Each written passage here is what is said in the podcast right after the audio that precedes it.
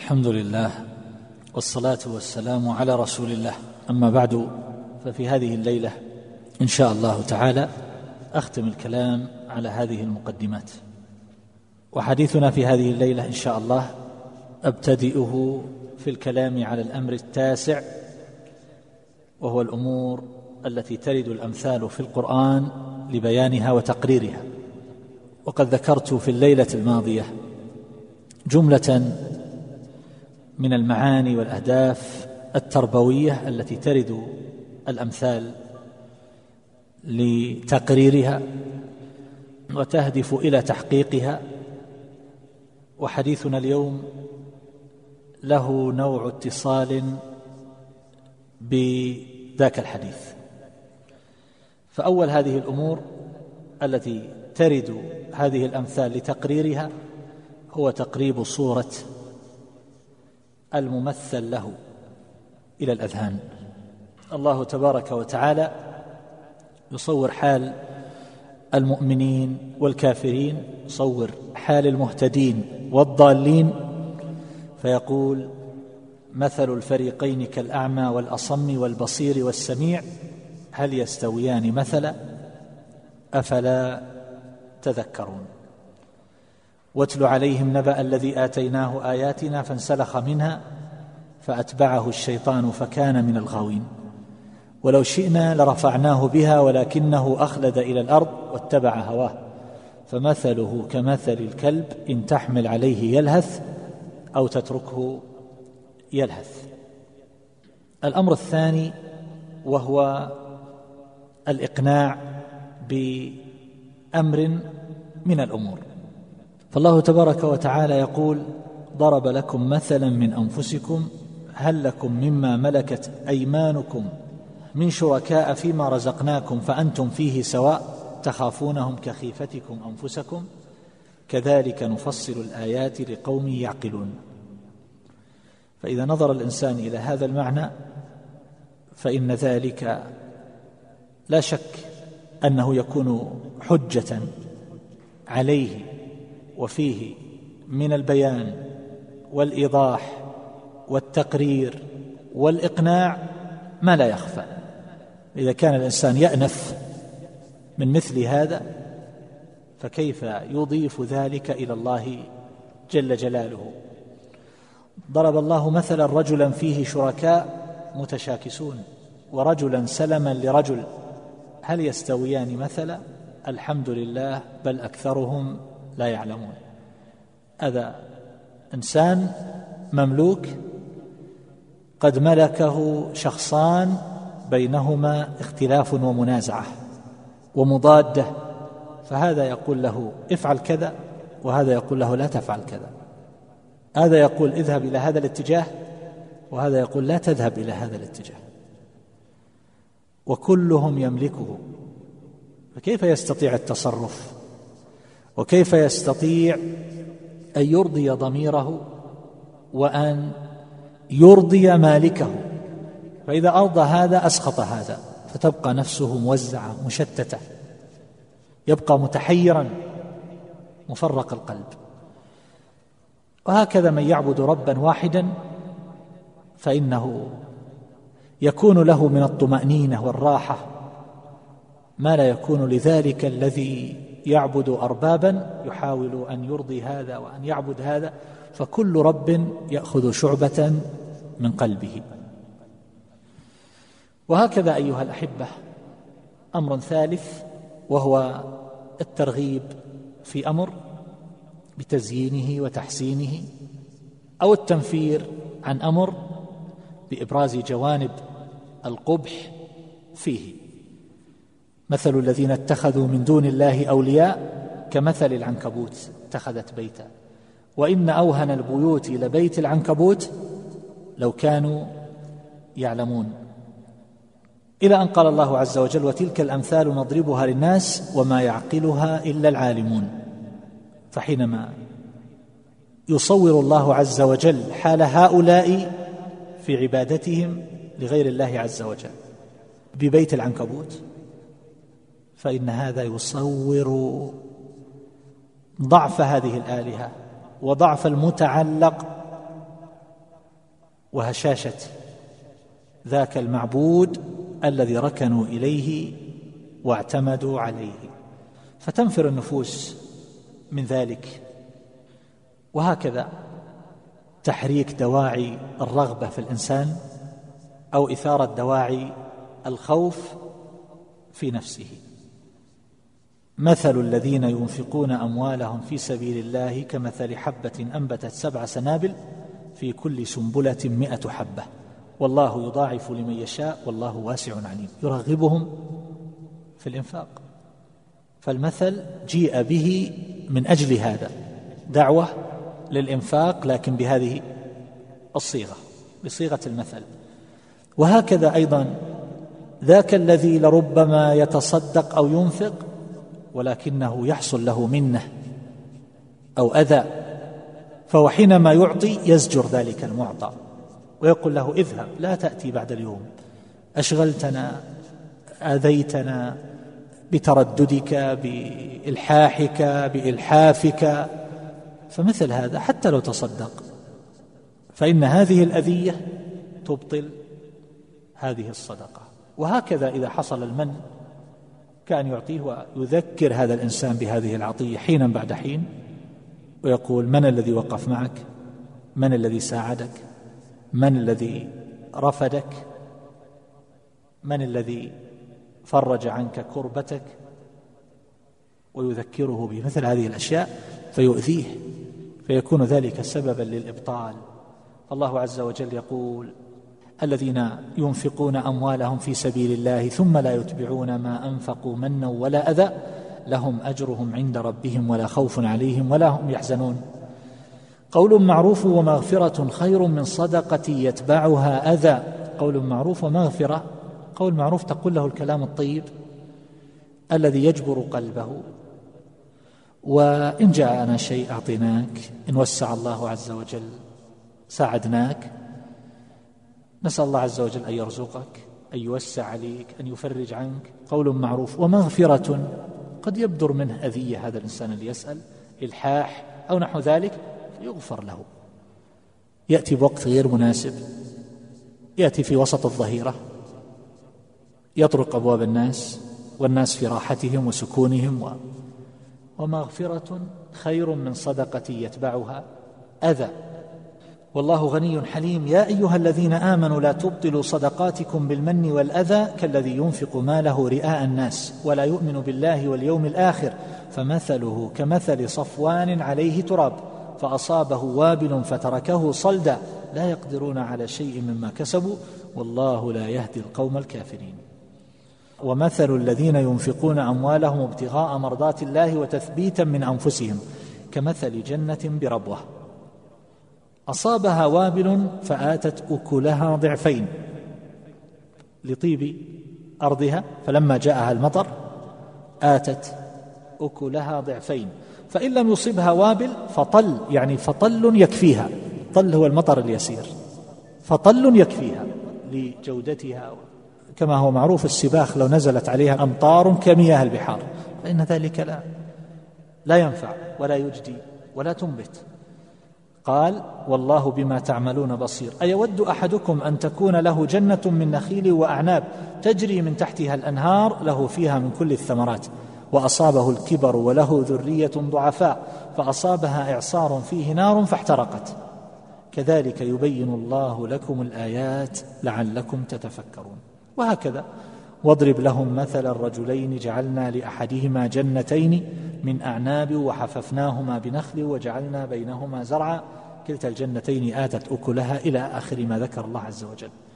فهذه أمثال يقص الله عز وجل فيها قصصا للاعتبار. الخامس وهو أن يأتي المثل للثناء والمدح أو للتعظيم أو للتحقير والذم الله عز وجل يقول محمد رسول الله والذين معه أشداء على الكفار رحماء بينهم. تراهم ركعا سجدا يبتغون فضلا من الله ورضوانا. سيماهم في وجوههم من أثر السجود. ذلك مثلهم في التوراة. ومثلهم في الإنجيل. كزرع أخرج شطأه فآزره فاستغلظ فاستوى على سوقه. يعجب الزراع ليغيظ بهم الكفار. فهذا للثناء والمدح. وهكذا للتحقير ونحو ذلك الدنيا والأمثال التي جاءت فيها كثيرة. واضرب لهم مثل الحياة الدنيا كماء إن أنزلناه من السماء فاختلط به نبات الأرض فأصبح هشيما تذروه الرياح وكان الله على كل شيء مقتدرا. اعلموا أنما الحياة الدنيا لعب وله وزينة وتفاخر بينكم وتكاثر في الأموال والأولاد. كمثل غيث أعجب الكفار نباته ثم يهيج فتراه مصفرا ثم يكون حطاما. وفي الآخرة عذاب شديد ومغفرة من الله ورضوان. وما الحياة الدنيا إلا متاع الغرور. أمر سادس وهو تحريك الفكر.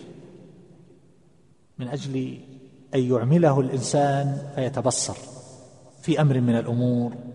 الله عز وجل يقول لو أنزلنا هذا القرآن على جبل لرأيته خاشعا متصدعا من خشية الله. وتلك الأمثال نضربها للناس لعلهم يتفكرون أي من أجل أن يتفكروا. فإذا كان الجبل الصلب لو نزل عليه هذا القرآن لخشع وتصدع وقلب ابن آدم يعرض عليه القرآن من أوله إلى آخره وقد لا يخشى ولا يتأثر فهذا يعني أن القلوب قد تصل إلى حال من الصلابة والقسوة أعظم من قسوة الحجارة الصماء والصخور التي هي في غاية الصلابة كما قال الله عز وجل عن بني إسرائيل ثم قست قلوبكم من بعد ذلك فهي كالحجارة أو أشد قسوة. وإن من الحجارة لما يتفجر منه الأنهار وإن منها لما يشقق فيخرج منه الماء وإن منها لما يهبط من خشية الله. أمر سابع وهو أن المثل قد يرد لتقرير بعض المعاني العظيمة بعبارات وجيزة مثل تشبيه الكافر بالأعمى. تحته من المعاني ما الله به عليم. الأعمى يتخبط على غير اهتداء يضرب بالجدار يقصد أمرا من الأمور فيصل إلى غيره. لا يستطيع أن يتحصل أو يتوصل إلى مطلوباته بنفسه. لربما لو قيل له القبلة من هنا صلى أو القبلة من هنا صلى وفي أدنى حاجاته لا يستطيع أن يستقل بنفسه فهو يتخبط في مشيته ولربما يقع في البئر يقع على الحية. وهكذا حال الإنسان الضال عن صراط الله المستقيم.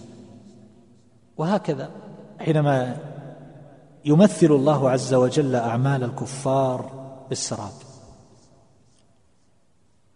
فهم يؤملون عليها ويرجون الثواب ثم إذا قدموا على الله جل جلاله لم يجدوا شيئا. الأمر العاشر وهو في ذكر مواقف الناس إزاء الأمثال القرآنية.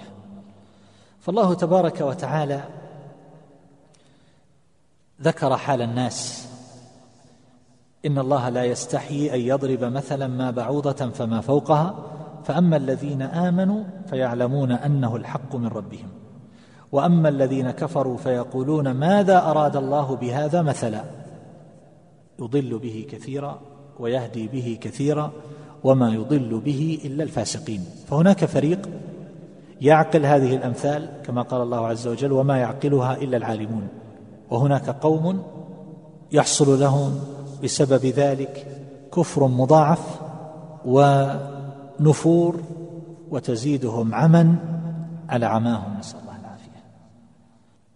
فهؤلاء استنكفوا وأنكروا أن الله تبارك وتعالى يضرب الأمثال بالمخلوقات الضعيفة اليسيرة كالبعوضة والذباب. ماذا أراد الله بهذا مثلا؟ مع أن الله تبارك وتعالى هو خالق الخلق أجمعين. خالق المخلوقات الصغيرة والكبيرة. وما يوجد من الإعجاز في الخلق حاصل في الصغير وفي الكبير. فهذه المخلوقات فيها من الدقة في خلقها والإعجاز في وجودها حية متحركة قد سخرت وصرفت تعرف مصالحها وطرائق عيشها فهذا أمر لا يستطيعه البشر ولو اجتمعوا من أولهم إلى اخرهم يخلق أدنى المخلوقات هذه. هؤلاء الذين استنكفوا هل جاءوا من كوكب آخر؟ جاءوا من بيئة تضرب بها الأمثال بأحناش الأرض وبالبهائم والطيور والحشرات والهوام فهي هذه الأمثال موجودة بين أيديهم ويرددونها. العرب تمثلوا بأحقر الأشياء يقولون أجمع من ذرة وأجرأ من الذباب وأسمع من قراد. وأصرد من جراده وأضعف من فراشه وآكل من السوس. وقالوا في البعوضة أضعف من بعوضة. وقالوا وأعز من مخ البعوضة. ويقولون كلفتني مخ البعوضة. إذا طلب منه شيئا لا يقدر عليه. وهكذا الأمثال في الكتب السابقة. في الإنجيل مثلا جاء أمثال بحب الخردل والحصاه والارضه والدود والزنابير وما شابه ذلك. فالله رب الصغير والكبير وخالق البعوضة والفيل. فالمعجزة في الفيل هي المعجزة في البعوضة. والعبرة في المثل ليست في الحجم حجم الممثل به ولا في شكله وصورته. وإنما الأمثال ترد من أجل التبصير والتنوير وفتق الأذهان عن المعاني المبثوثة في مضامينها وليتحقق الاعتبار والاتعاظ. أما لماذا يضرب الله عز وجل المثل بالبعوضه فإن هذا ليس بشأنهم وربك يخلق ما يشاء ويختار. ومن اختياره تبارك وتعالى أن يضرب من الأمثال ما شاء. ليس لأحد أن يتحكم في مثل هذه الأمور. فالله جل جلاله يمتحن النفوس بهذه الأمثال. فأما الذين آمنوا فيعلمون أنه الحق من ربهم وأما الذين كفروا فيقولون ماذا أراد الله بهذا مثلا. الحادي عشر والأخير وهو ما جاء من النهي عن ضرب الأمثال لله عز وجل. فربنا جل جلاله يقول فلا تضربوا لله الأمثال إن الله يعلم وأنتم لا تعلمون. ما المقصود بها؟ من الناس من يفهم أن المراد لا تضربوا لله الأمثال يعني حينما نتحدث نقرر مسألة من المسائل. نتحدث مثلا عن شكر الله عز وجل وأن هذا الشكر حق لله وأنه حتم على العباد. فنقول مثلا لو أن احدا ولله المثل الأعلى أعطاك وأولاك فهذه الثياب التي تلبسها منه والسيارة التي تركبها منه. والمسكن الذي تسكنه منه والأموال التي تصرفها كلها منه وإذا مرضت عالجك وإذا طلبت الراحة هيأ لك ما تستريح فيه. وكل ما تأخذه من المطعومات والمشروبات فهو منه. يقدم لك هذا. ما حالك معه؟ تستحي لا تستطيع أن ترفع رأسك وتنظر إليه. أليس كذلك؟ أليس الذي يحسن إلينا بالكلام الطيب؟ نحرج ويأسرنا بهذا الكلام ونستحي منه. أليس كذلك؟ من قدم لنا معروفا في شيء من الأشياء فإنه يأسرنا بهذا المعروف. فنفكر دائما كيف نرد له هذا الجميل؟ كيف نكافئه على هذا المعروف؟ فكيف بالله عز وجل الذي كل ما نتقلب به حتى الأمور المكروهة هي منح في حقيقة الأمر لو تأملها الإنسان؟ يسوق له هذه المكروهات ليخلصه فهي كير خلصه من الشوائب وليرفعه ويبلغه المنازل التي لا يبلغها لا بصيام ولا بقيام. فلو بقي الإنسان ساجدا لله عز وجل على الأمور التي يكرهها فقط لما أدى شكره. فنقول هذا الذي يوليك ويعطيك وكذا وكذا. لا يمكن أن تقابله بما يكره وأن تجحد ذلك وأن توجه الشكر إلى آخرين. فكيف بالله عز وجل؟ بعض الناس قد يقف هنا ويقول لا لا تضربوا لله الأمثال. ولو قلتم في أثناء هذا في جملة اعتراضية نقول نضرب لكم مثلا ولله المثل الأعلى. يقول لا لا هذه لا تغني. لا تضربوا لله الأمثال. هل هذا هو المراد؟ هل هذا هو الفهم الصحيح؟ في معنى قوله فلا تضربوا لله الأمثال؟ من أهل العلم من قال كالألوسي قال بأن معنى الضرب يعني الجعل فكأنه قيل فلا تجعلوا لله تعالى الأمثال والأكفاء. مثل فلا تجعلوا لله أندادا. وابتدأت بعبارة الألوسي لأنها أوضح. وما سأذكره من أقوال السلف والأئمة من المحققين من المفسرين كأبي جعفر بن جرير ومن قبله ومن بعده يرجع إلى هذا المعنى في مجمله. لكن عبارته أوضح. يقول لا تضربوا لله الأمثال. قال الضرب هنا من الجعل لا تجعلوا له الأمثال. وذكر أثر ابن عباس قال يقول سبحانه لا تجعلوا معي إلها غيري فإنه لا إله غيري. لا تضربوا لله الأمثال؟ لا تجعلوا له نظراء ولا تجعلوا معبودين تعبدونهم. تجعلوا لله أندادا تتقربون إليهم وتعبدونهم من دون الله عز وجل. هذا معنى فلا تضربوا لله الأمثال. فالله تبارك وتعالى جعل المشرك به الذي يشبهه بخلقه بمنزلة ضارب المثل. عبارات المفسرين ابن جرير مثلا. يقول في الآية فلا تمثلوا لله الأمثال ولا تشبهوا له الأشباه فإنه لا مثل له ولا شبه. يعني لا تجعل أنداد نظراء لا تشبه الله عز وجل بأحد من خلقه ولا ترفع أحدا من المخلوقين إلى مرتبة الألوهية. فيقدس ويعظم ويعبد من دون الله عز وجل. ونقل ابن جرير رحمه الله عن ابن عباس يعني اتخاذهم الأصنام. هذه عبارة ابن عباس رضي الله عنه لا تضربوا لله الأمثال يعني اتخاذهم الأصنام. جعلوها نظراء لله عز وجل جعلوها آلهة. وهكذا في قول قتادة في قوله تعالى ويعبدون من دون الله ما لا يملك لهم رزقا من السماوات والأرض شيئا ولا يستطيعون قال هذه الأوثان التي تعبد من دون الله ثم قال وقوله فلا تضربوا لله الأمثال فإنه أحد صمد لم يلد ولم يولد ولم يكن له كفوا أحد. وهكذا قال ابن كثير رحمه الله أي لا تجعلوا لله أندادا وأشباها وأمثالا. نفس معنى كلام ابن جرير وهو معنى كلام ابن عباس. الشيخ عبد الرحمن بن سعدي رحمه الله فلا تضربوا لله الأمثال المتضمنة للتسوية بينه وبين خلقه. وهذا يرجع إلى إلى ما سبق. وهكذا كلام الشيخ محمد الأمين الشنقيطي قال نهى الله جل وعلا في هذه الآية الكريمة خلقه أن يضربوا له الأمثال أن يجعلوا له أشباها ونظراء من خلقه. وابن عاشور أيضا يقول لا تجعلوا له مماثلا من خلقه.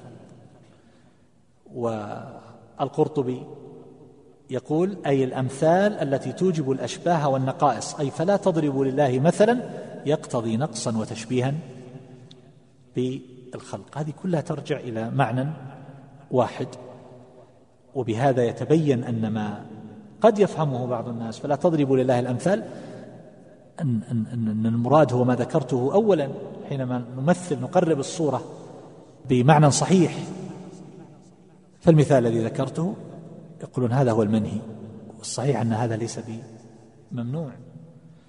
وإنما لا تضربوا لله الأمثال لا تعبدوا غيره لا تجعلوا له الأشباه والنظراء والأنداد وما أشبه ذلك. وبعضهم جوز أن يكون المراد النهي عن قياس الله تعالى على غيره بجعل ضرب المثل استعارة للقياس وهذا يشبه ما سبق. وبعضهم أيضا جوز أن يكون المراد النهي عن ضرب الأمثال لله تعالى حقيقة بمعنى أن الأمثال تضرب للتعليم والتقريب كما اتفقنا. أليس كذلك؟ فيقول لا تضربوا لله الأمثال الله هو الذي يعلمنا ولسنا نعلم ربنا تبارك وتعالى. فنتأدب معه. فلا يجوز لنا أن أن نخاطب الله تبارك وتعالى أو أن نضرب له امثالا لما نريد أو ما نطلب. فنقول مثلا يا رب مثلنا كمثل من كذا كأنك تعلم ربك. بعضهم قال فلا تضربوا لله الأمثال هذا هو المراد بها لأن المقصود التفهيم والتعليم والله عز وجل لا التعليم يكون من الأعلم إلى إلى المتعلم. وأما أن يكون العبد الضعيف يعلم ربه ويفهم ربه فهذا لا يليق. فبعضهم قال فلا تضربوا الله الأمثال كأنكم تعلمونه وتقربون له المعنى فالله أجل وأعظم شأنا من ذلك. لكن عبارة السلف في غير هذا كما سمعتم. وهكذا أيضا يمكن أن يقال بأن الآية تشمل النهي عن ضرب الأمثال المتعلقة بالله سبحانه لتقريب أسمائه وصفاته الحسنى للناس بتسويته بخلقه. يعني حينما تصف صفات الله عز وجل السمع والبصر وال ثم تمثل بالمخلوقين. فإن مثل هذا يدخل في هذا المعنى فإن الله ليس كمثله شيء وهو السميع البصير. مما ذكره شيخ الإسلام تيمية رحمه الله وهو من الأشياء المفيدة في موضوع الأمثال وهو طريقة القرآن في ضرب الأمثال. فهو يرى أن طريقة القرآن موجزة. وهذا صحيح. طريقة القرآن طريقة مختصرة موجزة. فالقرآن لا يطول بتقرير المقدمات الواضحة الجلية وإنما ينتقل منها إلى ما يحتاج إلى البيان. فحسب. يقول بأن الأقيسة عموما يقول فيها شيء خفي يعني هي الحق فرع بأصل لنصل إلى نتيجة. فيقول هناك شيء واضح وهناك شيء خفي. فنحن نريد أن نعرف معنى الخفي بإلحاقه بالأصل الواضح. فإحدى القضيتين جلية معلومة. يقول وضارب المثل إنما يحتاج أن يبين تلك القضية الخفية وبهذا يبين عن المراد والمقصود. ويقول أن الشيء كلما كان أعم كان أعرف في العقل. لكثرة مرور مفرداته في العقل وخير الكلام ما قل ودل. يقول ولهذا كانت الأمثال المضروبة في القرآن تحذف منها القضية الجلية لأن في ذكرها تطويلا وعيا. وكذلك ذكر النتيجة المقصودة بعد ذكر المقدمتين يعد تطويلا. يقول اعتبر هذا بقوله تعالى لو كان فيهما آلهة إلا الله لفسدتا. يقول ما طول؟ نتائج معروفة. يعني لو أردنا أن نطول على طريقة المناطقة لو كان فيهما آلهة إلا الله لفسدتا. لكنهما لم تفسدا إذن ليس فيهما آلهة غير الله. يقول الله ما قال هذا؟ اختصارا لأن ذلك معلوم مدرك. فهو يرى أن هذا من كمال القرآن ومن طريقته الراقية البليغة في أمثاله المضروبة وأقيسته المنصوبة فهو يذكر ما يحتاج إلى بيان دون تطويل وإشغال للسامع بأمور يستنتجها أو يدركها فهمه أو لا تخفى عليه.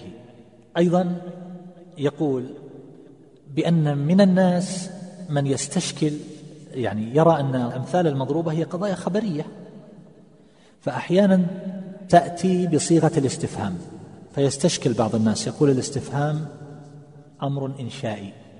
تقول أين زيد؟ هل أعطيته خبرا؟ لا. لكن حينما تقول سافر زيد فهذا خبر. فالأمثال الأصل أنها تفيد معاني. كما يقولون معاني تصديقية أو معاني تصورية كما يعبرون. الاستفهام هذه قضية طلبية. تقول أين زيد؟ فيقول بعضهم يستشكل هذا. كيف توجد أمثال بصيغة الاستفهام؟ فشيخ الإسلام يقول هذا ليس بمشكل. وضرب لنا مثلا ونسي خلقه قال من يحيي العظام وهي رميم. من يحيي العظام؟ وهي هذا هو المثل الذي ضربه. ضرب لكم مثلا من أنفسكم هل لكم مما ملكت أيمانكم من شركاء فيما رزقناكم؟ فشيخ الإسلام ابن تيمية رحمه الله يرى هذا الاستفهام هو استفهام إنكار أحيانا يكون. فيحصل به المعنى. هل لكم مما ملكت أيمانكم من شركاء فيما رزقناكم؟ يعني ليس كذلك. كأنه يقول ليس لكم مما ملكت أيمانكم شركاء. فكيف تجعلون لله شركاء وأنتم تأنفون من مشاركة الأرقاء والمماليك لكم؟ يقول هذا المعنى. ولو جاء بصيغة استفهامية. هذا ما أردت ذكره في هذه المقدمات وقد تركت بعض الأشياء التي أشرت إليها في أول درس أني سأذكرها وأتحدث عنها فقد يغني عنها بعض ما ذكرت. ومن الغد إن شاء الله تعالى سنبدأ في الكلام على الأمثال القرآنية. أسأل الله عز وجل أن ينفعنا وإياكم بالقرآن العظيم. جعلنا وإياكم هداة مهتدين. اللهم اغفر لنا ولوالدينا ولإخواننا المسلمين. وصلى الله على محمد وآله وصحبه.